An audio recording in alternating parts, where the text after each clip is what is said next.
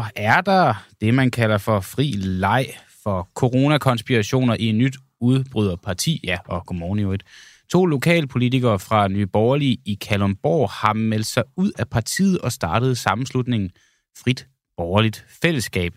Det drejer sig om nu tidligere lokalformand Tony Voldby Pedersen, og så en kvinde, vi har hørt rigtig meget om her på det sidste, som mange måske ikke har hørt så meget om. Før det, det er nemlig kommunalbestyrelsesmedlem Henriette Ergemann, der efter blot to uger på posten måtte trække sig som politisk næstformand i partiet. Og øh, Tony øh, Voldby Pedersen, tidligere ny borgerlig, nu løsgænger i Kalundborg Kommune, og så med en ambition om at starte frit borgerligt fællesskab. Øh, til en titel, og godmorgen. Godmorgen. Øhm, Henriette, Henriette Ergemann, hun har skrevet på øh, Facebook, øh, da hun ligesom melder sin øh, udmeldelse af, af Nye Borgerlige den seneste uge, har været sindssygt hård for mig, min familie og for det parti, jeg holder så meget af, skriver hun. Eller undskyld, det var før hun, øh, det var da hun meldte sin afmeldelse som, øh, som næstformand, undskyld. Øh, hun ja. skriver, ja, den seneste uge har været sindssygt hård for mig, min familie og for det parti, jeg holder så meget af. Det skriver hun på Facebook og fortsætter. Jeg er en holdspiller ind til benet, og det sidste, jeg ønskede, var at skade partiet, og nogle gamle udtalelser står i vejen for det vigtige arbejde, vi har for et friere Danmark. Har, har, har Henriette og, og du taget den yderste konsekvens og, og udmeldt jer Nye Borgerlige for at redde partiet? Nej, det har vi ikke. Øh, vi har taget den konsekvens, fordi at øh, Nye Borgerlige den, den, den skal lige øh, et halvt års tid baglæns. Øh, det sidste mm. halve års tid er, øh, at der er der opstået mere og mere topstyring i Nyborgerlige, og, øh, og ord som virksomhedsdrift og strømligning og sådan noget er begyndt at, øh, at fylde rigtig meget fra, øh, fra, hoved, øh, fra hovedbestyrelsens side af, og specielt fra formandens side af. Øhm, og den nuværende formand, eller formanden for et halvt den, år siden? Den, den, den nuværende formand. Okay. Øh, ja, det, altså fra formandskiftet af er, ja. det, er det begyndt at, øh, at gå den vej. Og da man så, øh, det der så ligesom har slået sømmet på hovedet og gjort, at, øh, at så vi rykkede ud, det var den, øh, det var den måde, som, som Henriette blev behandlet på i det her. Det første skriv, som Henriette hun lægger op, der gør hun det, som hun også betegner, hun tager en forholdet, at nu, nu trækker hun sig, fordi at, at som hun får at vide, der er, der er for stor utilfredshed blandt byrådsmedlemmerne ude i, i de forskellige kommuner, at øh, 10-14 vil øh, trække sig fra partiet, hvis ikke øh, at hun går. Og der ligger formanden et meget stort pres på hende, hvor hun så til sidst vælger at sige, okay, jamen, øh, så trækker jeg mig. Øhm, og da ja. hun så havde gjort det, så øh, sender næstformanden en, øh, lynhurtigt derefter sender næstformanden et brev ud til alle medlemmerne, og det bliver også offentligt gjort frit, øh, hvor han saver Henriette midt over. Øh, og det, det, det er ikke en måde, som jeg kan være i et parti på. Det kan jeg ikke. Jeg elsker øh, Nye Borgerlige inderst inden, det gør jeg. Men samtidig så kan man være i et forhold, hvor at, øh, at det er bedre at sige, der skal man ikke være. Jeg skal ikke udelukke at en dag, hvor Nye Borgerlige måske ser helt anderledes, anderledes ud ledelsesmæssigt, og øh, hvor der bliver plads til, til flere meninger, at så kunne jeg finde på at søge tilbage i Borgerlige mm. igen. De vil nok ikke have mig, men, men det, vil ikke, øh, det vil ikke være en fjern tanke. Okay, men indtil da, så, så stifter du og Henriette Erkemann øh, frit borgerligt øh, fællesskab. Vi vil også gerne have talt med Henriette i dag, men hun er ikke lige vendt tilbage på vores på vores henvendelse. Nu stifter I så et nyt parti, som du siger, at du er villig til at, at, Nej, at, at skibe igen. En liste. En liste, undskyld. Du stifter sådan en liste, ja. øh, som du siger, at du, du er villig til at opgive, hvis Nye Borgerlige bliver godt igen, og hvis de vil, de vil have dig. Henriette Aumann, hun skriver, at det sidste, hun ønskede, det var at skade partiet. Gavner det partiet, at hun laver en ny liste? Det ved jeg ikke. Nu, øh, nu skal vi videre med et, øh, et politisk projekt her, hvor uh, vi gerne vil samle men folk, hun vil ikke skade partiet, men du højrefløj. ved heller ikke, om du, du vil, altså, tænker du, at det gavner det? Er det godt for Nye Borgerlige, at der kommer en ny liste i Kalundborg Nej, det er ikke godt for nogen af partierne ude på højrefløjen i dansk okay. politik, at der kommer en ny liste, som jo uværligt i et eller andet omfang, øh, stort eller småt, kommer til at kæmpe om nogle stemmer ude til kommunalvalg og regionsvalg om, øh, om godt to og et halvt år. Øh, det gavner jo ikke nogen. Det er jo det, det kan man sige sig selv. Så lige nu er det vigtigste for Henriette og for dig ikke længere at undgå at skade den nye borgerlige. Nu er det, nu er det frit borgerligt ja. fællesskab, der kommer først. Det er frit borgerligt selskab, der ja. kommer først nu. Okay. Og Fedt. det skal vi have bygget op. Vi skal hjælpe folk med at blive repræsenteret rundt omkring i kommunerne. Mm. Folk, som har fornuftige borgerlige holdninger helt igennem, men folk, som også folk, som øh, på nogle enkelte områder er, øh, er gået uden for boksen og, øh, og kan dokumentere og argumentere for, nogle af de ting, som, som mainstream-medier ikke rigtig er meget for, man taler om. Ja. Noget af det, som stille og roligt bliver lukket ned i partierne, om, altså når man forsøger at stemme optimere, så siger, ah, mm. det her skal vi ikke sige, fordi det er lidt forkert. Det skal der være plads til hos os. Og vores grundlæggende holdninger, de skal fødes nedefra, de skal ikke topstyres ned opfra. Okay, okay. Fornuftige øh, borgerlige holdninger, men hvor der også er plads til at tænke, tænke ud af, af boksen. Det, det lyder jo godt. Ja, altså, jeg, der, der, der, der opstår... Ja, nej, jeg vil gerne høre din metafor. Undskyld. Ja. Ja, jeg har brugt den metafor et, et par gange her, at øh, for en del år siden var der, øh, var der nogle, øh, nogle mennesker, som kom til at sige, at det kunne godt være, at jorden den var rund. Der røg mm. et par hoveder, fordi det var der nogle konger, der ikke synes var, øh, var særlig fantastisk at sige. Mm. Øh, men det ændrer ikke på, at i dag, så kunne vi ikke drømme om at tvivle, øh, eller i dag kunne vi ikke drømme om at tænke, at, at jorden den var flad. Øh, den, er, den er rund. Og det, og det er bare det her med, at hvis vi lukker ned for tankerne, hvis vi øh, tillader os det våge, og mm. gå ind og skal styre, hvad vi må tænke og sige, så, det, så degenererer vi vores samfund. Vi skal, vi skal okay. være sikre på, at, at vores samfund kan udvikle sig frit. Og det er noget af det, vi også står for i frit borgerligt fællesskab. Alright, jamen så lad os prøve at dykke lidt ned i frit borgerligt øh, fællesskab. Øhm, jeg tænker, at nogle af de her øh, ting, du siger, der skal være plads til, det er blandt andet nogle af de udtalelser, som Henriette Erkemann, hun er blevet øh, øh, ramt for at have haft i forbindelse med, at hun har været en del af Nye Borgerlige, og og den, den fortid, hun så har, har haft omkring blandt andet hendes vaccineskepsis. Hun har skrevet på Facebook, dertil er jeg også ret overbevist om, at alle de mange tusind mennesker, der er blevet skadet, eller er det, der er værre af vaccinerne, også denne gang siger nej. Det sagde hun i forbindelse med, at man købte nye vacciner ind. Er det en, øh, en holdning i, i frit borgerligt fællesskab, at vaccinerne skadede folk, eller det, der var værre? Det, øh, det tror jeg umiddelbart, at der er evidens for for nogle aldersgrupper, at det her det var rigtig usundt for Men er det generelt øh, for, for skadet dem. folk? Er det, er det, og at alle de mange tusind mennesker, der er blevet skadet, er mange tusind mennesker blevet skadet ifølge frit borgerligt fællesskab? Øh, jeg tror godt, at man kan tælle dem i tusinder, som, okay. som er blevet skadet. Alene når man ser på bivirkningslisten fra Pfizer, så, så kan man godt øh, der få en indikation af, at det der, det er ikke saftvand i hvert fald. Og er det så 1000 i Danmark, eller er det 1000 på verdensplan? Fordi den her, øh, det her skriv, hun har lavet her, der får man indtrykket af, at de mange tusind mennesker i Danmark, der er blevet, øh, der er blevet skadet. Ja, altså, jeg, jeg, øh, jeg, vil, jeg, vil godt, jeg vil godt sige, at, øh, at jeg tror også, det er i Danmark. Jeg vil ikke, jeg vil ikke bruge formuleringen mange tusind, men, men jeg tror, at vi taler om et, et mindre antal tusind, som rent faktisk er blevet skadet af det her. Alright, okay. Øhm, og, og dokumentation for det, den siger du, den ligger hos Pfizer. Og har Pfizer så lavet Jamen. en opgørelse over danske vaccineskader? Nej. Okay, så hvad er dokumentationen så for det? Jamen, der er jo indmeldt øh, 70.000, tror jeg det er, øh, skader, som folk mener er vaccineskader i forbindelse med covid. Ah, øh, ja. Hvor mange af dem, der så reelt øh, er det, det, det er også derfor, jeg siger et, et mindre antal. Øh, fordi hvis man bare siger 10 procent af de 70.000, så, så er det stadigvæk et betydeligt antal. Mm. Og vi skal jo også huske, at gennemsnitsdødelighedsalderen for dem, der fik covid, den var 82.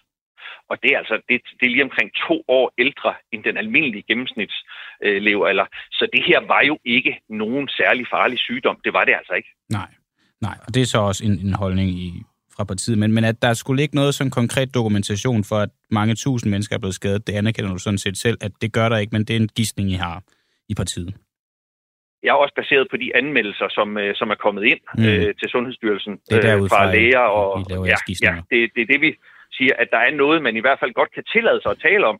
Om det så viser sig at være fuldstændig rigtigt, det ved jeg ikke. Okay. Men, men det skal i hvert fald være plads til, at man kan tale om det og få det frem. Mm. Og der skal også helst gives penge til, at man kan undersøge det øh, grundigt, og ikke bare lukke ned og sige, nej, der er ikke, der er ikke noget at komme efter det, det er der ikke. Øhm, okay. Hvad vi er nødt til at kan se magthaverne i øjnene og sige, ja. jamen vi undersøger, der, der skal undersøges, hvad der foregår, det skal der, og sådan så vi næste gang kan træffe den rigtige beslutning. En måde at se magthaverne i øjnene på, øh, Karen Hækkerup, hun siger øh, i, forbindelse, i en video i forbindelse med, at UNICEF har indkøbt nogle nogle sprøjter og oplæringer til dem til, at børn skulle kunne vaccineres, så skrev Henriette Erkemann sindssyg kælling. Hun skal i fængsel for børnemor. Er det en holdning i frit borgerligt fællesskab, at øh, Karen Hækkerup øh, for det første er en sindssyg kælling, og at hun skal i fængsel for børnemor? Åh, jeg har svært ved at udtale mig om Karen Hækkerups øh, sindstilstand. Øh, det, må jeg nok, øh, okay. det må jeg nok indrømme. Skal hun i fængsel for børnemor? Det, jeg, jeg tror, øh, altså som Henriette også har sagt, der er nogle af de der øh, udtalelser, hun har lagt op, at de, er, de er givet i effekt også. Mm. Øh, og Henriette har jo voldsomt modereret sit sprog også, og, øh, og kan den dag i dag, ved jeg ikke på nogen måde finde på at omtale andre mennesker på den måde der. Det, det er også en af de ting, vi helt klart har i vores nye fællesskab. Det er, okay. at man, øh, man taler ikke ned om nogen. Det gør man ikke. Jeg ved godt, at jeg her i dag også har, øh, har været hård ved, øh, eller været efter nyborgerlige øh, og dets ledelse, men det her interview her, det er også sidste gang, at øh, jeg udtaler mig om det i forhold til nyborgerlige. Og herfra, der skal vi sådan set fremad med vores nye projekt. Okay, så nu ser I bare fremad. Okay, men det er jo så også det, vi prøver nu ved at se ind, ind i det her parti, I, I laver. Okay, men, men der skal være ja. plads til, at man skal kunne, kunne, kunne udtale sig i, i effekt offentligt. Er, er det rigtigt forstået? Ja, altså, øh, det, der, der har vi en grænse, fordi okay. vi, øh, vi, vi siger, grænsen er, at du går ikke ud og sviner nogen til. Du taler okay. ikke grimt om nogen. Du kan angribe deres holdninger fagligt. Mm. Det må du meget gerne.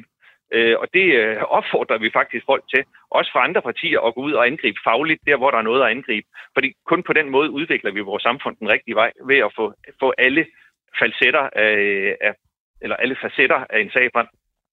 Ja. Så, så det, det går vi ind for, helt klart. Okay, så hvis hun havde skrevet det her i dag, så havde det ikke været øh, godkendt i, i, i frit borgerligt fællesskab? Nej, det havde det ikke. Okay. På ingen måde. Lad os bare lige få en det, af de sidste og, med. Det har jo også beklaget noget af retorikken ja, ja. i de ting, hun har skrevet, det, det, det. At, at det ikke var godt. Præcis.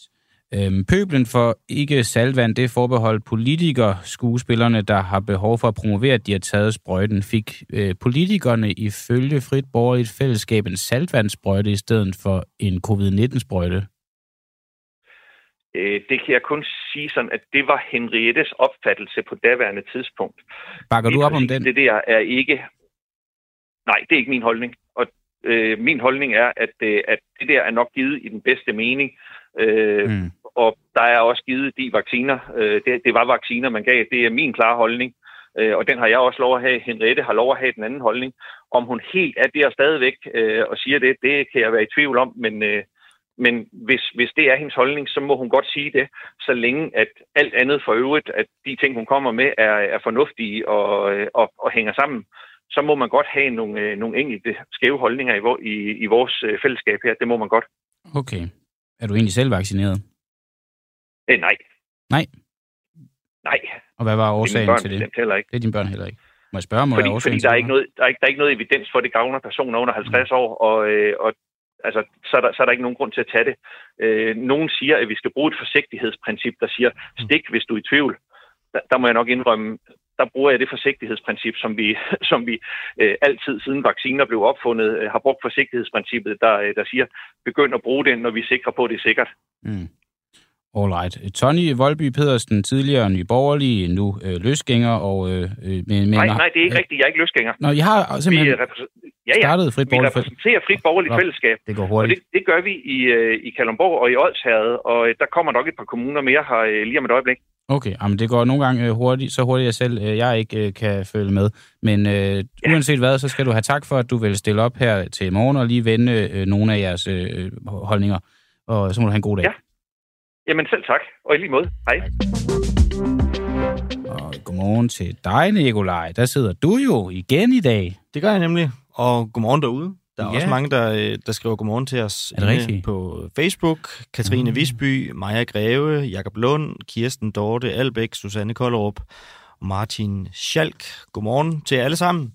Og godmorgen til dig også, Christian. Jo tak, jo tak. Øh, vi har jo lidt af et program legnet op til, at endnu startede vi lige ud med, med Tony her. En, en brandstart, øh, synes jeg i hvert fald øh, selv.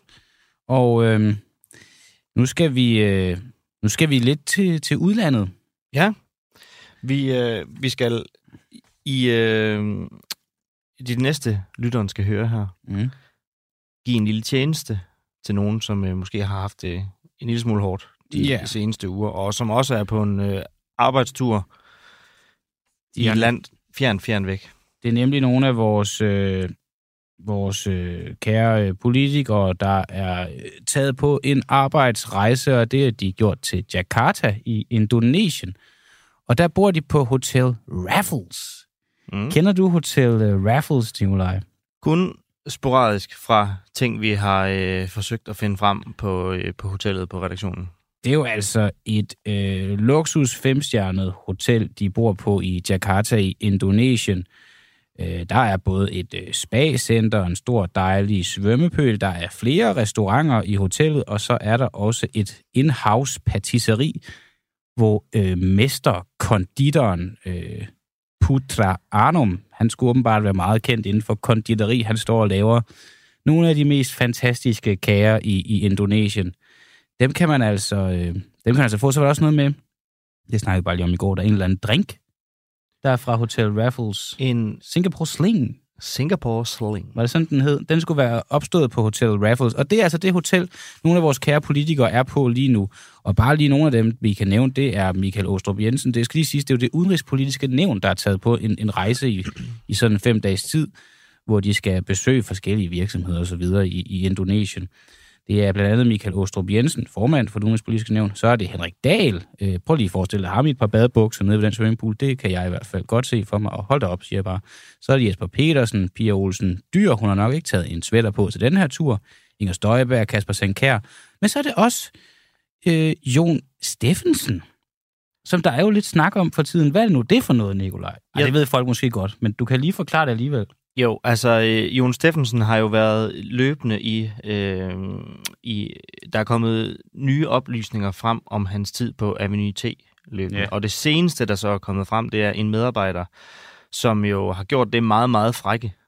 Og simpelthen i hvert fald angiveligt at optage, øh, hvad der lyder til at være Jon Steffensen på båndet, som sidder og underskriver for Jakob Højer. Og øh, det er jo lidt en uheldig situation at ende i, når man har så hårdnakket har påstået, at øh, det ikke skulle være en. Men vi skal jo sige, at øh, vi kan jo ikke med 100% sikkerhed slå fast, men det lyder bare umiskendeligt som Jon Steffensen på den lydfil. Det lyder som Jon Steffensen, og det lyder som, at der bliver skrevet en underskrift øh, som Jakob Højer. Men øh, Ja. i og med, at der ikke er video, så kan vi jo ikke øh, dokumentere det helt præcist.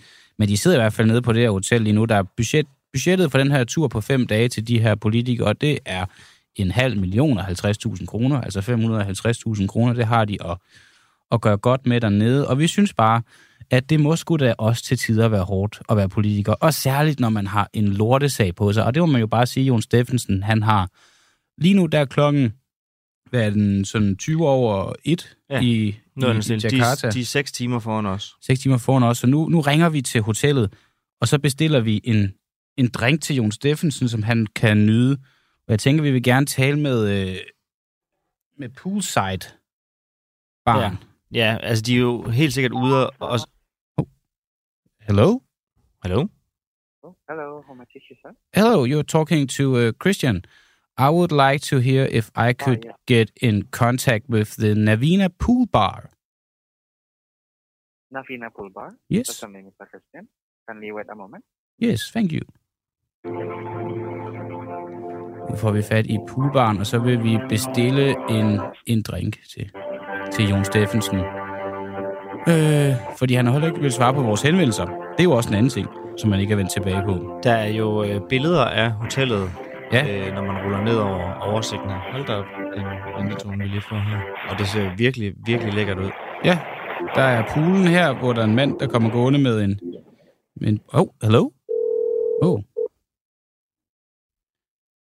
Det er altid nervepirrende at ringe til udlandet. Og der er sådan ude i poolen sat palmer op i sådan nogle plantekasser. Ja.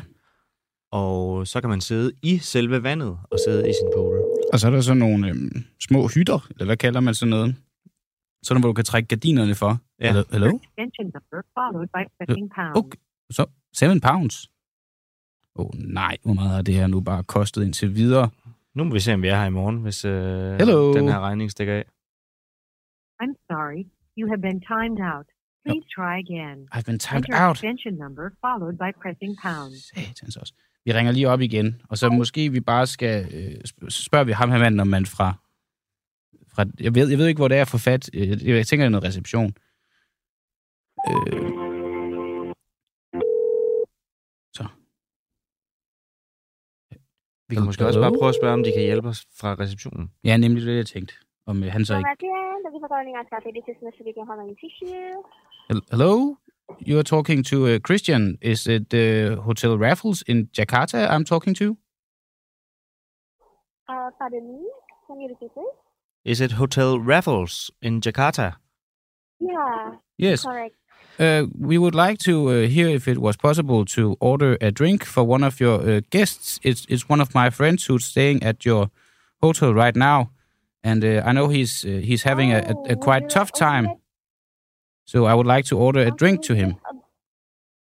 Ask about a room or what? Sorry, which room? You you asking me? uh, are you at room or restaurant? Maybe you can. Uh, it's all right to leave it in the bar at the restaurant. Yeah, for you him. can leave it at bar in the restaurant with with a little note. Yeah, this is the Arts Cafe. Cafe? Uh, oh, sorry, it's Yeah, it's a at it's there's, cafe. there's a bad connection. One more time. Yeah. I would like to order a drink for my friend Jon Steffensen. He's staying at your hotel right now. He's a part of a Danish Okay, delegation. uh, He's a politician from Denmark. Room number. He's a, a well-known. He's he's both a politician, sir. but he's also a well-known uh, theater director. He's Sorry, been he's been at the Avenue Avenue T. I would like to order a drink to him. Okay, actually, the- the currently you stay with us right now. Yes, he's uh, staying at your hotel right now. Oh, you yes. Okay, uh, what the room number, please?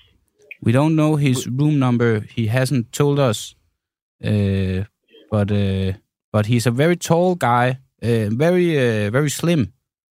He if if he don't call himself for Jon Steffensen, then he might have introduced himself as Jakob Højer. Hello, sir. Do you have a Maybe Jakob connection Højer? Sorry.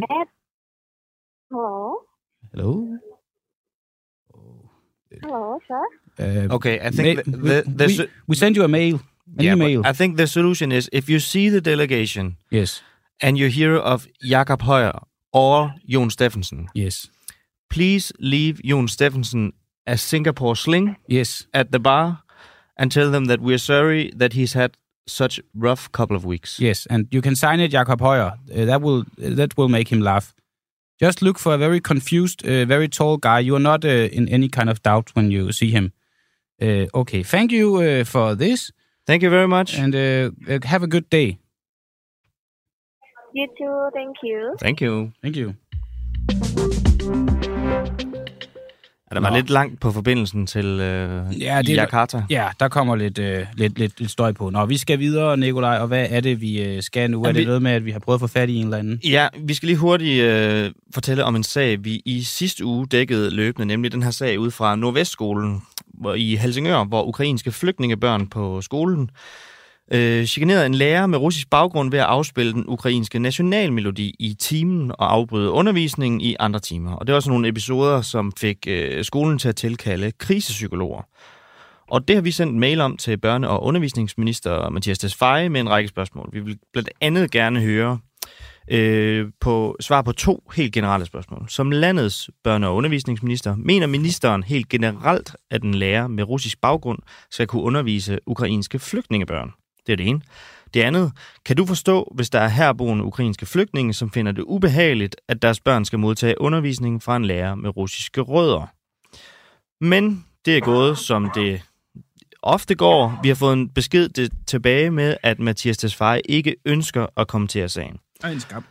Ja, og der vil jeg bare lige slå et slag for, at der måske begynder at tegne sig et mønster her, fordi nu har vi en forsvarsminister, der ikke vil sige noget om alle skandalerne i forsvaret. Vi kan sige, at det seneste, der er afsløret her på Frihedsbrevet, det er, at der er over 1000 sager i løbet af fem år, hvor at der er medarbejdere, som har brugt deres øh, kreditkort til at købe private ting, altså for Mm. forsvarets kreditkort. Og spørgsmålet der, det er jo så måske, hvor mange sager skal der egentlig til, før at en forsvarsminister kunne tænke sig at sige noget om det. Oh, ja. Så har vi en erhvervsminister, som ikke vil stille op i dag og forsvare sit øh, pristjek, som er oh, ja. blevet stort slået op helt tilbage i august, som der nu er svar på. Så er der en øh, uddannelsesminister, som øh, lancerer sit måske største udspil og barberer et år af kandidaten. Og så tager hun på ferie Ja. og stiller heller ikke op til noget som helst. Og nu har vi så her til sidst altså en børne- og undervisningsminister, der ikke vil tale om, øh, om sagen i Helsingør. Og alle de her, de er ministre i en regering, som selv skriver i regeringsgrundlaget, og nu citerer jeg, Den demokratiske samtale befinder sig i en brydningstid, og vi har brug for frie og stærke medier. Mm. Det er i vores møde med hinanden, at vi udvikler os, og fællesskabet styrkes. Og der vil jeg måske påpege, at det står lidt træt til med mødet med medierne. Øh, Ja. Det, det, det, den udvikling, den er svær at lave, når vi, øh, når vi simpelthen ikke kan få nogen svar fra nogle af dem fra regeringen. Jeg sagde man også en gratis omgang at sige, at vi har brug for frie og stærke medier, for du finder da ikke en politiker i et demokrati som Danmark, der vil sige det modsatte. Nej, altså det er i hvert fald været et øh, bastant synspunkt at Ja. sige, at vi har, vi har behov for færre stærke medier. Det kunne være, at man kunne få Søren Pind til at udtale noget i den retning. Yes. Og så skal vi videre til det, vi lige nævnte om vores kære erhvervsminister Morten Bødskov, nemlig om regeringen overhovedet ønsker at finde ud af, hvorfor smør er blevet så dyrt. Mm. Øhm, du skal virkelig have gemt dig godt, hvis ikke du har hørt, at øh, prisen på smør og fødevarer alt det her, det er stukket i vejret i løbet af det seneste år. Det har stået stort set alle medier det seneste år, og i august så udviste den daværende erhvervsminister Simon Kollerup rigtig handlekraft og sagde, at nu skal vi have undersøgt det her til bunds. Vi øh, bestiller en undersøgelse, som en gang for alle skal vise, om stigningerne kan forklares med inflationen, eller om der ligger noget andet bag. Der blev jo spekuleret lidt i, om der er nogen, der virkelig spænder guld på den her krisetid. Men øh, så under valgkampen, så blev undersøgelsen stanset, men i februar blev den sat i gang igen af den nye erhvervsminister, Morten Bødskov. Og fredag så fortalte Konkurrence- og Forbrugerstyrelsen så endelig efter syv måneders ventetid, at selvom priserne i Danmark er steget markant på flere varer, så er der ikke noget, der indikerer, at supermarkederne og øh, deres leverandører har brugt inflationen til at skjule ekstraordinære prisstigninger. Henning Otte Hansen, seniorrådgiver på Institut for Fødevare og Ressourceøkonomi, Københavns Universitet. Godmorgen. Godmorgen. Først så vil jeg lige i forhold til den, øh, det resultat, der er kommet frem her, lige forholde dig en, øh, et citat fra vicedirektøren fra de samvirkende købmænd, Claus Bøgelund Nielsen. Han udtaler nemlig i forbindelse med resultaterne, Dermed kan vi forhåbentlig få aflivet konspirationsteorierne om, at detailhandlen scorer kassen. Kan vi aflive konspirationsteorierne på baggrund af den her undersøgelse? Øh, nej, det er det korte svar. Man kan ikke på forhånd hverken øh, anklage eller frikende nogen på grund af den der øh, rapport. Det er en glimrende rapport. Det er bare en meget skal man sige, overordnet rapport, baseret på nogle overordnede tal. Man kan ikke, man kan ikke vurdere øh, på, på, på enkelte varer. Er der nogle, nogle former for overnaturlige avancer i hele værdikæden, så der skal man nok et spadestik dybere have nogle kon- konkrete aftaler. Øh, hvad har, hvad har man købt de her, de her varer til? Hvad er ens priser? Det kan nok kunne egentlig skal man sige, frikende eller anklage nogen. Okay, men hvad, du siger stadigvæk, på trods af det, så siger du, at det er en glimrende undersøgelse. Hvad kan vi egentlig konkludere på baggrund af undersøgelsen? Der er ikke sådan, kan man sige, øh, åbenlyse tegn på nogle markant ændringer i de her avancer. Klart, det er så også, sige, tab på nogle meget store grupper af, af fødevarer, vel frem til øh, 3. kvartal øh, 22. Det sige, vi mangler stadigvæk øh, nogle mere konkrete, detaljerede tal på skal man sige, mere mikroniveau over en længere periode. Så kan man sige, altså, på det nuværende grundlag, med det tal, de har om, om deres øh, kommissorium, der er faktisk en udmærket øh, rapport. Det kan bare ikke bruges til at, sige, at anklage eller frikende nogen overhovedet på det her forløb. Nej, og, og hvad, hvad, hvad er der ligesom galt med undersøgelsen i forhold til at få undersøgt det? man skal ned og fatte nogle konkrete kontrakter øh, mellem køber og sælger i hele værdikæden. Men klart, det er jo typisk jo tal, som er fortrolige. Man siger, hvad har man købt, hvad har man solgt de her varer til? Vi skal faktisk helt tilbage igen til næsten kornbørsen i Chicago. Hvad har man solgt korn til, så hele vejen igennem fra møllerier til bagerier til og så videre frem til øh, køledisten. Det kræver altså, at man har adgang til nogle fortrolige øh, kontrakter, som klart ikke, man kan ikke bare sådan lige få øh, her og nu. Så det kræver, et, at man har adgang til øh, øh, salgskontrakter. Øh, øh, Men den kan altså ikke endeligt bruges til at finde ud af, om de her dagligvarekæder eller deres leverandører, eller dem alle sammen, har spundet guld i den her tid, hvor inflationen så også har været høj. Nej, man kan hverken anklage eller frikende nogen, og sige, man er vel grundlæggende vel øh, uskyldig indtil andet er bevis. Så sige, det her det er ikke nok til at kunne sige, at der er nogle en vis form for overnaturlig avance nogle steder i øh, værdikæden. Det kan man ikke øh, ud fra det her øh, sige. Må jeg ikke spørge dig, fordi det spændende er jo også, hvis nu den her undersøgelse rent faktisk havde vist, at øh, lad os sige Arla, eller Coop, eller øh, Salling, eller hvem end det nu skulle have været, at de havde tjent guld. Altså, hvad, hvad kan politikerne overhovedet gøre, hvis det viser sig at være tilfældet? Det er jo ikke forbudt at tjene penge. Nej, det er jo, hvis der er tale om, som siger, at øh, man misbruger sin, øh, sin, sin plads på markedet, som misbruger sin, sin dominans er det jo ulovligt, og hvis man aftaler priser, så, så, sige, så længe det bare er, sige, det ikke er aftalt, og man er i et miljø, hvor der er konkurrence, så er det ikke, så er det ikke ulovligt at så tjene penge. Hvis der er nogle konkrete aftaler, at man misbruger sin plads, sin position, så er det jo ulovligt. Så indtil videre er der ikke sådan et tegn på, at der er nogen form for, for at man har aftalt spil, at man har misbrugt sin, øh, sin, øh, sin plads på markedet. Og så lige et spørgsmål fra mit mørke sind øh, til det her. Altså hvis nu, at man skulle ønske sig en undersøgelse, fordi det er jo svært det her med, at så skal man ud og, og lave en løsning øh, efterfølgende, hvis det viser sig, at de har tjent for mange penge. Så står man også lidt et svært sted. Hvis nu man skulle lave en undersøgelse, hvor man var sikker på, at der ikke kom noget resultat, så man lige pludselig stod i den her kattepine med ikke at have nogen løsning, mm. samtidig med, at man viste øh, vælgerne handlekraft ved rent faktisk at lave en undersøgelse. Var det så på den her måde, man skulle designe undersøgelsen? Ja, som laver en skal vi sige, uh, spinkel kommissorium og ikke giver adgang til uh, fortrolige tal så er det næsten umuligt at så bevise noget overhovedet. Øh, det kan man også sige. Er, er, det, det, vi har, er det det, vi har fået her, altså, i den her undersøgelse? Ja, jeg, jeg tror, jeg, jeg sagde øh, på forhånd, det er ikke den grundlag for, at man kan frikende eller an, an, anklage nogen. På, det her kommissorium, med det, med det grundlag, det gik mulighed for at kunne anklage eller, eller frikende nogen. Så på den måde, det, man sige, der er det næsten en slags urjas post. Man kan ikke som sige, øh, ud fra det her øh, vurdere noget som helst. Hvis nu, at de øh, efter det her, hvis de rent faktisk vil, som de jo sagde, de ville, undersøge det her pristjek, vil beslutte sig for at lave en ny undersøgelse. For at være sikker på, mm. at de så rent faktisk får det undersøgt til bunds, hvad skal de så tage med i den nye? Så skal man ned og have ret til at gå ind og se på bag øh, kontrakter i hele værdikæden. Hvad har man købt varen til, hvad har man solgt den til, hvad har været ens omkostninger. Så man vurderer, at man har været en form for stigende pris. Marginalt har man kunnet hæve prisen mere, end man kan berette ud for dyre øh, omkostninger. Det kan også man adgang til konkrete kontrakter og kunne vurdere, hvad er hele, sige, hvad er omkostningsstrukturen, hvad er, der, hvad er, er omkostninger, hvad er hele forløbet. Og det er igen, det er faktisk helt tilbage fra ja, kornbørsen i USA til, man har et eller andet færdigvare, brød eller kød eller andet i disken i Danmark. Det er en relativt omfattende proces, man have alle de her mellemled. For der er mange, der er mange købmænd undervejs jo. Øh, der er mange, der handler og køber råvarer og sælger færdigvarer i hele værdikæden, så det er en relativt øh, omfattende opgave. Ja, så det her med at komme ned på enkeltvarer, mange har jo interesseret sig rigtig meget for smør. Altså, mm. øh, kan vi overhovedet, altså ud fra det, vi har her, kan vi så sige noget om de enkeltvarer? Altså for eksempel smør. Altså kan vi sige noget om, hvorfor smør er blevet så dyrt? Altså, det skyldes jo primært øh, nogle dyre råvarer. Der er den slags mælkecyklus, at man generelt i hele verden har haft de her priser stigende på mælkeråvaren. Det er vel nok den væsentlige øh, forklaring. Jo. Er der nogen forklaring på det i undersøgelsen også? Det er vel også det, der er interessant i det her tilfælde. Nej, det er der ikke. Nej, det er der ikke. Nej, der er ikke nogen som siger egentlig årsagssammenhæng. Det er kun en slags prissammenligning. Så der er ikke nogen sådan egentlig forklaringer bagved. Det er ikke nej. Det er der ikke. Ja. Men du siger selv om, at øh, man ikke kan bruge det til at anklage nogen eller frikage nogen, så kan vi ikke, vi kan ikke udelukke, at der er nogen, der sidder et sted og scorer kassen på at sælge lurpak. Nej, det er næsten, næsten ja, tegn på det. Altså, man siger, vi nu har haft gennemmeldt en 8-9 måneder øh, råvarer prisfald på alle de væsentlige landbrugsråvarer. Vi har alligevel haft prisstigninger i detaljledet. Det er sådan lidt, lidt sige, mærkeligt, at man har faldende råvarepriser, men der er stadig stigende detaljpriser. Det er, den, der er nok nogen i værdikæden, som skal formå at holde priserne højere, end man egentlig skulle berettige ud, fordi de bliver faldende råvarer.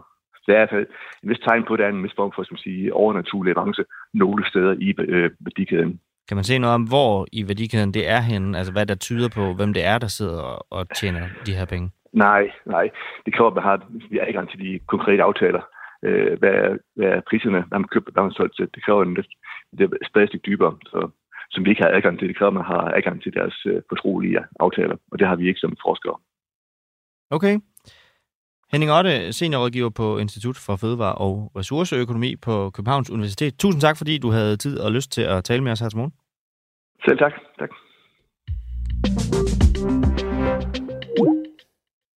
Ja, og så øh, bare lige inden vi hopper direkte videre til, til en mand, der måske er glad for den undersøgelse, der er blevet lavet, som vi så måske ikke kan bruge så meget eller ikke er, så skal vi bare lige høre, hvordan det lød, da vores øh, journalist Magne, Magne Hans han øh, lige ringer til Spanien for at høre, hvad en pakke smør den går egentlig kostede dernede. Hola, soy Magne. Uh, es un periódico de Dinamarca. Uh, tengo una pregunta porque, porque um, en Dinamarca um, mantequilla es muy caro. Yo no hablo inglés ni castellano, se le da muy mal. It goes around by 98 cents, 1 euro. For how much? Is it 250 grams or 500 grams? Uh, 400 gram. Perfecto. Muchas gracias, señor. Yeah. You're welcome. Sådan lød det altså. øh, Så det er, det er prisen på smør i Spanien. Og øh, så lad os lige hoppe direkte fra prisen på smør, smør i Spanien til en, en, en god dansk mand, der hedder Erling Bonnesen. Han er fødevareordfører for Venstre. Jeg kunne høre, du rømmede dig. Er du der her, Erling, nu? Ja, godmorgen. Godmorgen. Er du tilfreds med, øh, med undersøgelsen? Jamen, øh, den øh, viser jo, at øh, det er markedet, øh, der øh, kan vi sige, styrer øh, priserne, som vi jo også alle sammen oplever. Og desværre har vi jo selvfølgelig så været igennem, som vi alle sammen ved, en øh, periode med stigende inflation øh, og international øh, uro, hvor priserne øh, kigger op.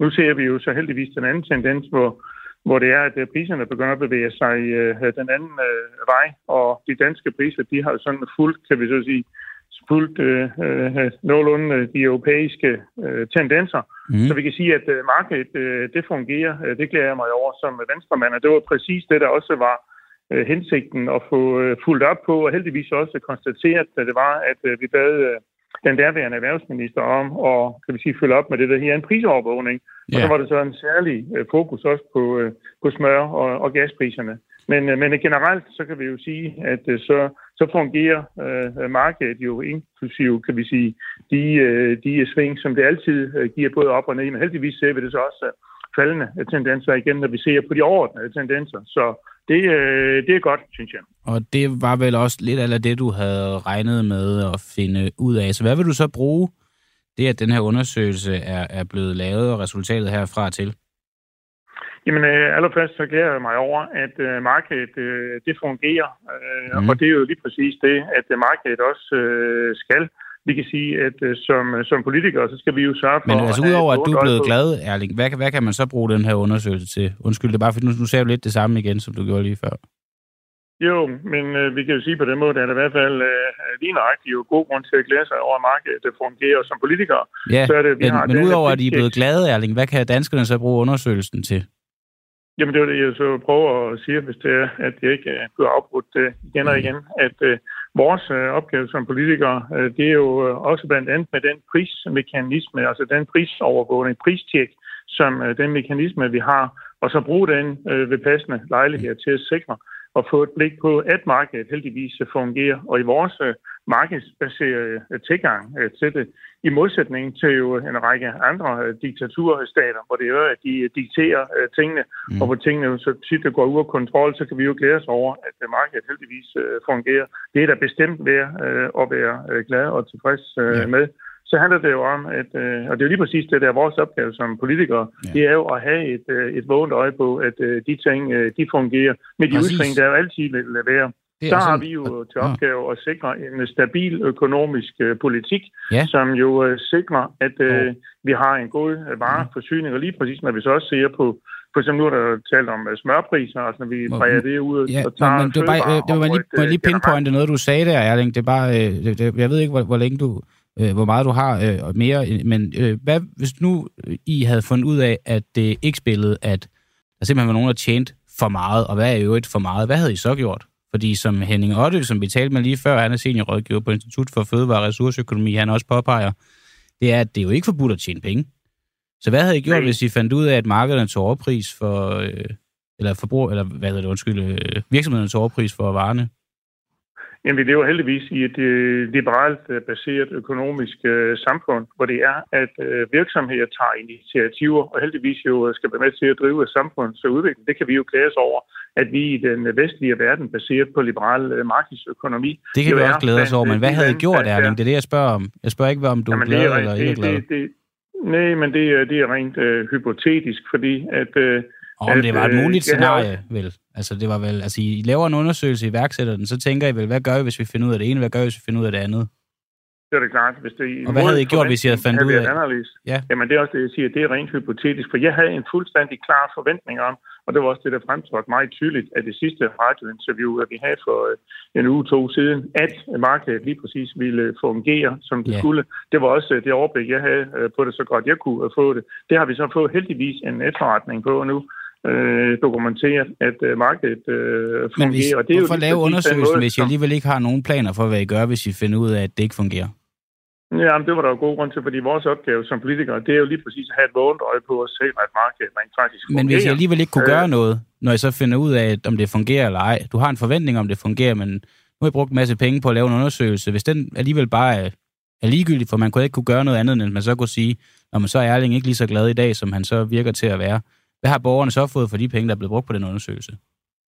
Jamen, øh, vi kan bare øh, sige, at, øh, at, øh, at øh, det markedsbaserede system, øh, det fungerer. Og skulle det imod forventning have vist sig, at der var dele af det, som ikke fungerede, som det skulle, så har vi selvfølgelig taget nogle initiativer for at få rettet op øh, på det. Men øh, vi kan jo heldigvis øh, konstatere, at det er rent hypotetisk, fordi markedet øh, fungerer, og, og priserne er i øjeblikket i den rigtige øh, retning.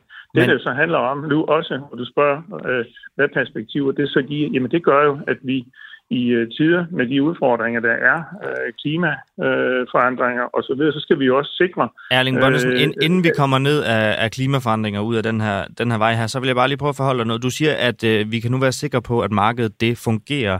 Vi har lige talt med en seniorrådgiver i ressourceøkonomi på Københavns Universitet, som siger, at den her undersøgelse kan ikke bruges til at hverken frikende eller anklage nogen.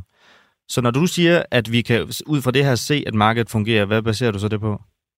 Jamen, det baserer jo lige præcis på det, som står i øh, rapporten, og som også konklusionen er, at, øh, at øh, priserne i Danmark, at de følger de generelle prisniveauer i, i Europa, kan man sige, og i den vestlige øh, verden. Og der har vi jo, og det står også i rapporten, at øh, der har priserne selvfølgelig været gået øh, op kvæg den øh, internationale uro, der har været at kvæg inflation og så videre, men at det så også Men i forhold er vendt og i forhold går til den hele- anden vej, og derfor så er det også fuldstændig rigtigt, som du siger. Man kan ikke sige, at man kan hverken frikende eller, eller, eller anklage øh, nogen for det modsatte. Vi kan bare konstatere, at det markedet det fungerer, og det var lige præcis det, der var mening, også med, med pristjekket. Jamen. Så rapporten, den har opfyldt sit Men i øh, forhold til formål. hele den her diskussion om, om der skulle være nogen, der sidder og spinder guld nogle steder, som jo også var en af grundene til, at det her det skulle tages op. Altså man skulle finde ud af, om der var et eller andet led, hvor der var nogen, der tog overpris. Det kan vi jo slå fast nu ud fra det interview, vi lige har hørt med Henning Otte, at det kan man ikke bruge rapporten til.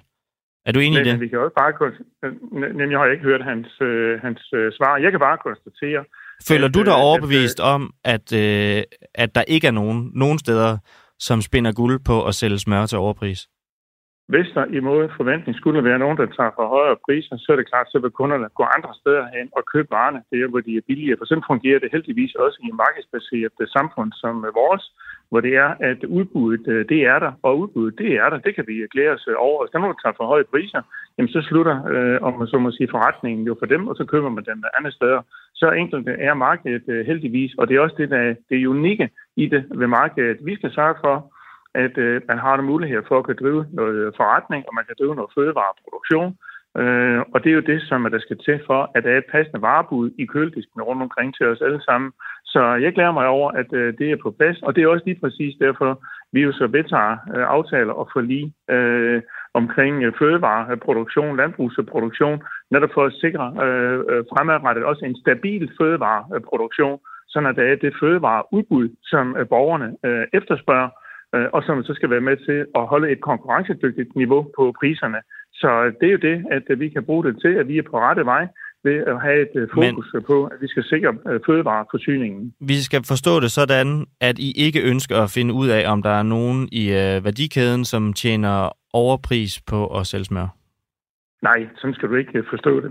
Det har jeg også forklaret op til flere gange nu her i det interview, at du prøver så ligesom at dreje det i en anden retning. Det Jamen, du taler hele øh, tiden om, at markedet fungerer, fordi vi har de samme priser, som vi har sammenlignelige priser med andre lande, men hele det her med at finde ud af, om smør bliver solgt til overpris, det er vi egentlig ikke kommet længere med, men der hører jeg dig stadigvæk være glad over rapportens resultat.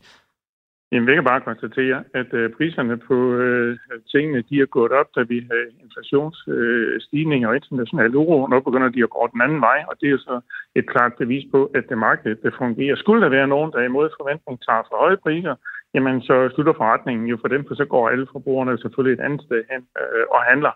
Så øh, det er jo den måde, vores markedsbaserede system fungerer. Hvordan gør øh, man på. det, hvis smør koster øh, overpris i alle butikker? Det er jo, hvis, hvis vi nu vil lege ud fra den hypotese, at det er Arla, der tager overpris for smør, så er det jo dem, der forhandler det med butikkerne, og så vil smøret koste det samme i alle butikkerne. Jamen, det er jo ren teori og tankespænd, øh, det der. Jamen, det er jo- at, øh, jamen, vi, vi, ser, vi, ser jo netop, vi ser jo netop i den virkelige verden, at priserne øh, går ned, og så er der jo ingen grund Men til og prisen på smør stadig er rigtig høj, på trods af at inflationen er faldet ned. Det er jo faktisk Ja, den virkelige men verden. En pakke smør, den koster... En pakke smør, den koster i en lurpakke i Rema, og for eksempel på nemlig.com, der koster 29 kroner.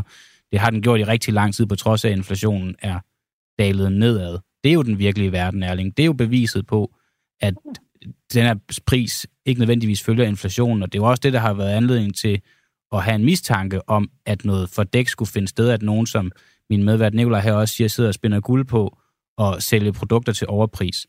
At, så at, at nogen, en forklaring på, hvorfor der en, for, en for forklaring på, hvorfor de en forklaring på, hvorfor præcis, koster øh, 29 kunderne vil gå kroner. Har, har, har vi fået det i rapporten? Har vi i rapporten Jamen, fået en forklaring på, hvorfor, hvorfor smøret koster 29 kroner? Ja eller nej?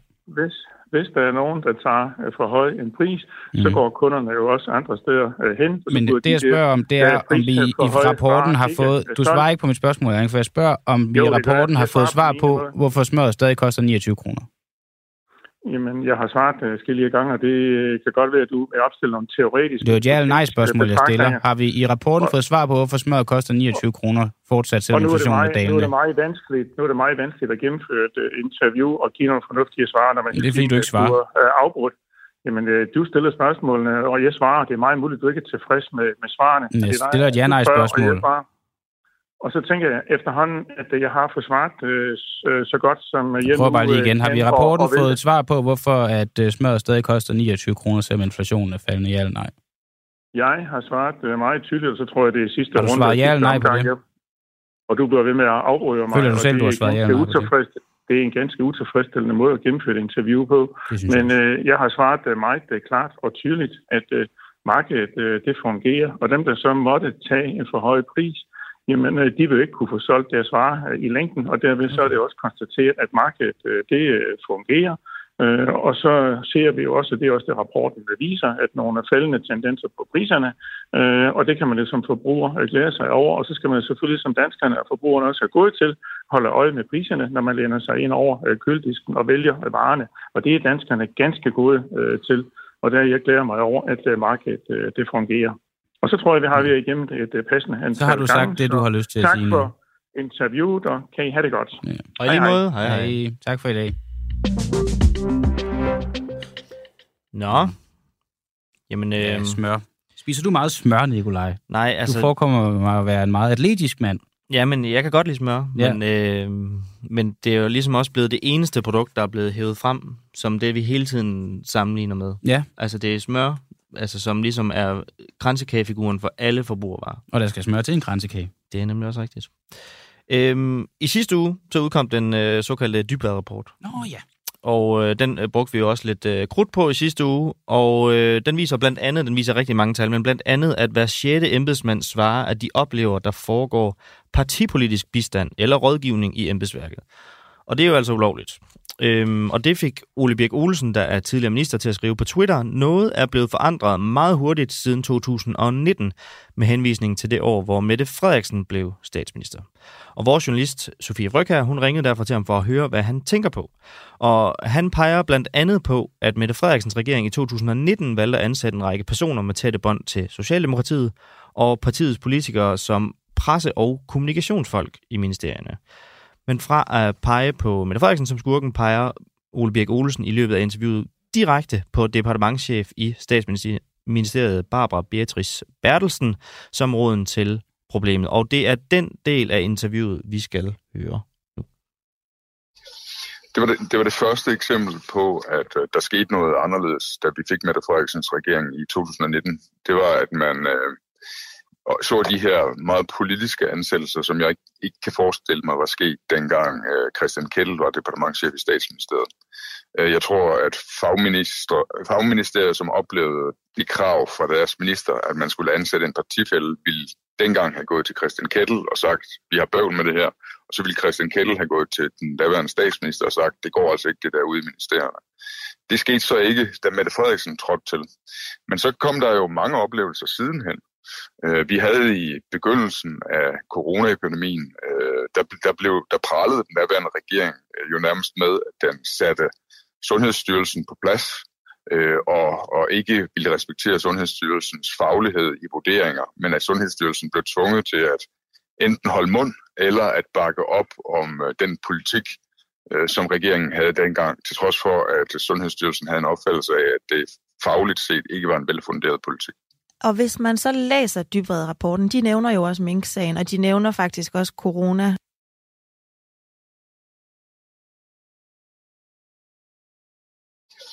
Det var det, det var det første eksempel på, at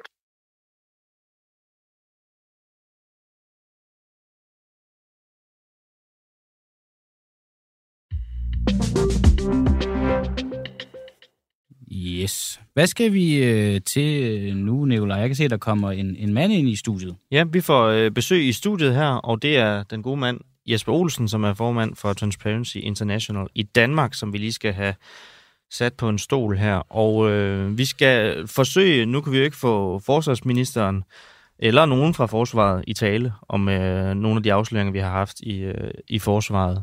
Øh, og så må vi tale om dem, mm. og det er det, vi skal nu. Og øh, fordi at pengene, de fosser i bogstaveligste forstand ud af det danske forsvar. Så sent som i går kunne vi her på Frihedsbredet afsløre, at der i løbet af fem år har været over 1.000 sager, hvor ansatte i forsvaret har brugt forsvarets kreditkort privat. Og for to måneder siden så kritiserede statsrevisorerne endnu og endnu, endnu, endnu en gang Forsvarsministeriet, der citat, ikke har levet op til grundlæggende og almindeligt udbredte principper for god statslig økonomistyring, og det lyder jo ellers ret øh, basalt, når man sidder med budgetter, som de gør derinde.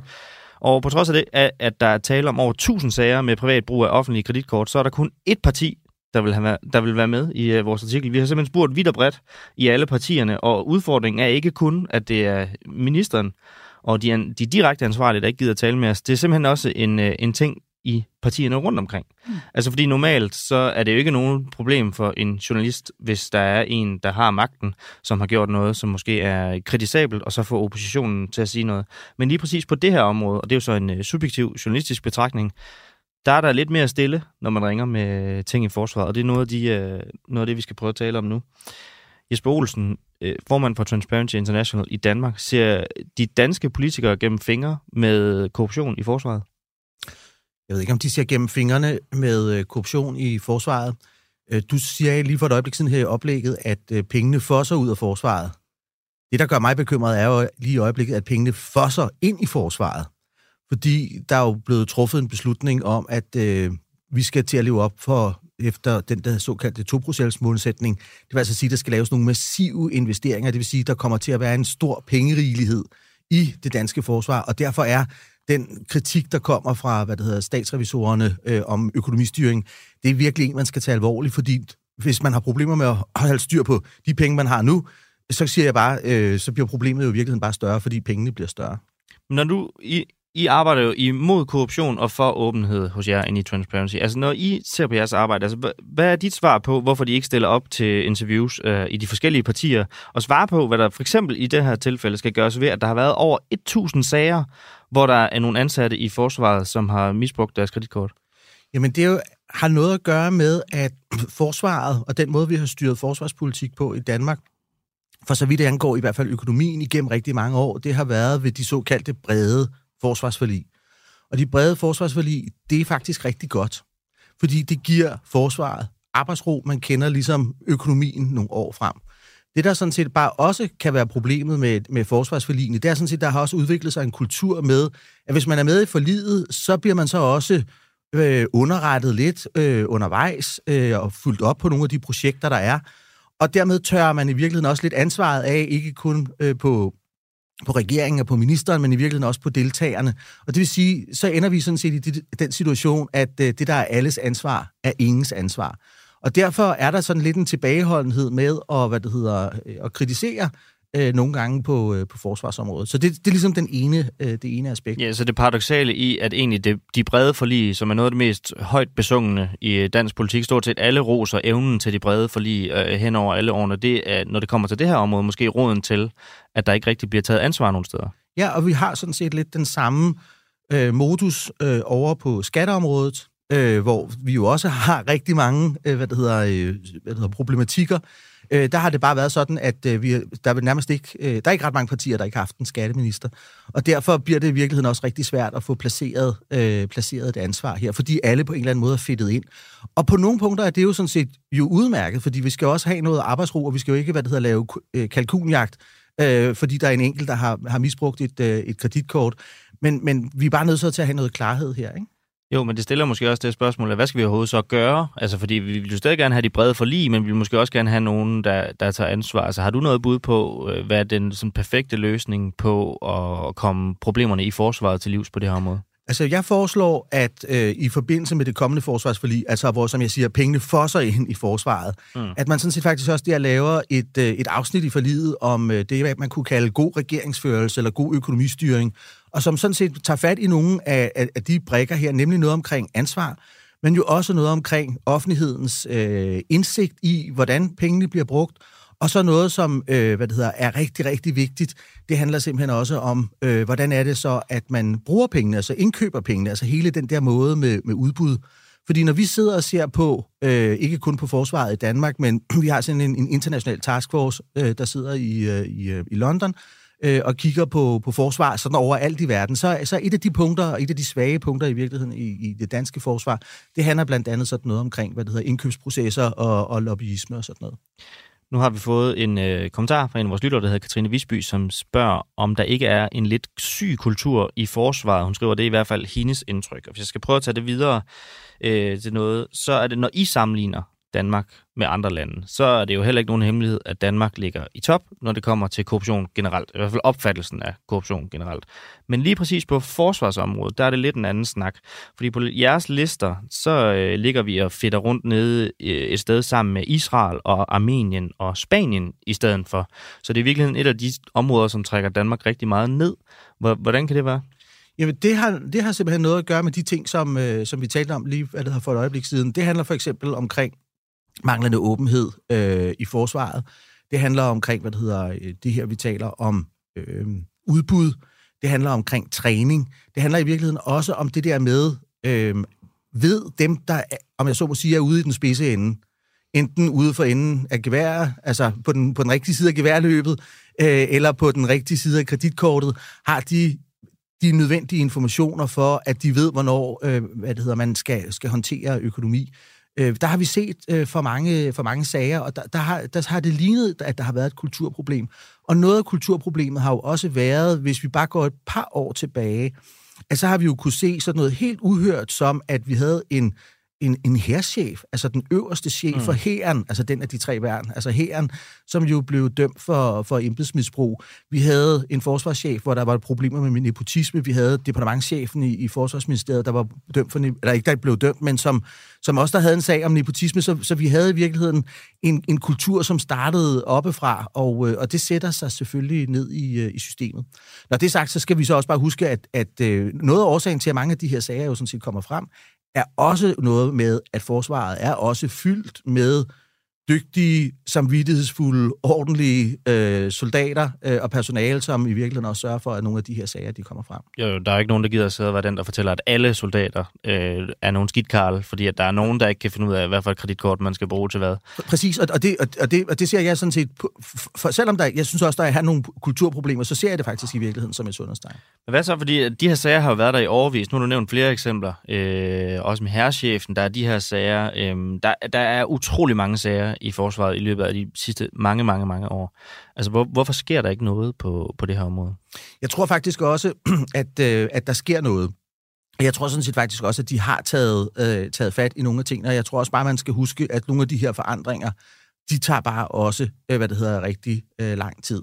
Det, som øh, jeg efterlyser, det er sådan set, at, hvad det hedder, at man, man, man tager også den, det politiske ansvar, mm. øh, og hvad det hedder, og står på, og står på mål for, for det, og så øh, tager, på en eller anden måde jo også sådan set tager fat i, i om, omkring Nillens råd. Og det handler blandt andet om, øh, om, det, om ansvarliggørelse af politikerne. Og når du så siger det politiske ansvar, altså hvem er det? Altså er det, det, er, det er ministeren? Det er ministeren. Og alene ministeren eller i forlispartierne? Det er ministeren. Altså, den sidste, jeg læste i grundloven, øh, der er det sådan, at det er, vi har ministerstyre i det her land, og det vil sige, det er i den sidste ende ministerens ansvar. Men det er jo ikke helt det, at øh, nu er det Troels Lund Poulsen, der vi karrierer øh, for Jakob Ellemann Jensen lige i øjeblikket. Det er jo ikke helt det, han så lægger op til med det seneste, han har, han har udtalt. Nej, og det er sådan set også derfor, jeg var ved at falde lidt ned af stolen øh, i forrige uge, da jeg, da jeg hørte det der samråd, at han sådan set synes, at det der ansvar, det kunne være helt vildt rart, og hvad det hedder, at tørre af også på de andre. Altså, det var adgang, en af adgangsbilletterne. Der er mange adgangsbilletter til det der forsvarsforlig, må vi forstå. Men, men en af adgangsbilletterne. Og der siger, der siger jeg bare, at man er nødsaget til at have ansvaret øh, et sted, og at det også har den alvor. Vi har at gøre med et stort øh, system som forsvaret. Det skal have rigtig mange penge det er godt, det er virkelig også nogle politiske hvad det hedder, prioriteringer. Der må jo også nødvendigvis i sådan et system være øh, en tilpas ro til, at fejl begås. Alle steder begås der fejl. Øh, så det skal der, jeg love for. Det, jamen det, nå, men præcis ikke, du er nødt til i virkeligheden at have en balance, sådan at det, altså om jeg så må sige, når man har begået en fejl, at det er trygt at være åben om den, og så får vi den rettet. Så derfor er ministeren jo selvfølgelig nødt til at skærme sit system, men ministeren kan ikke skærme systemet så meget, at, at der ikke bliver fuldt op på de fejl, og det er i virkeligheden det, der er problematikken. Alright. Jamen, øh, jeg tror ikke, at vi når mere, Jesper Olsen. Tusind tak, fordi at du havde tid og lyst til at komme øh, på besøg hos os. Velbekomme. Alt fornøjelse. Og øh, dermed skal vi også have rundet dagens udsendelse af. Ja, nu er klokken 8. Ja. Ude i teknikken der sad Magne Hans. Det gør han. Peter og... Svart har sat programmet sammen. Og jeg hedder Nikolaj Danonel. Og jeg hedder Christian Henriksen. Og vi er tilbage med mere en uafhængig morgen. I morgen? Ja. God dag.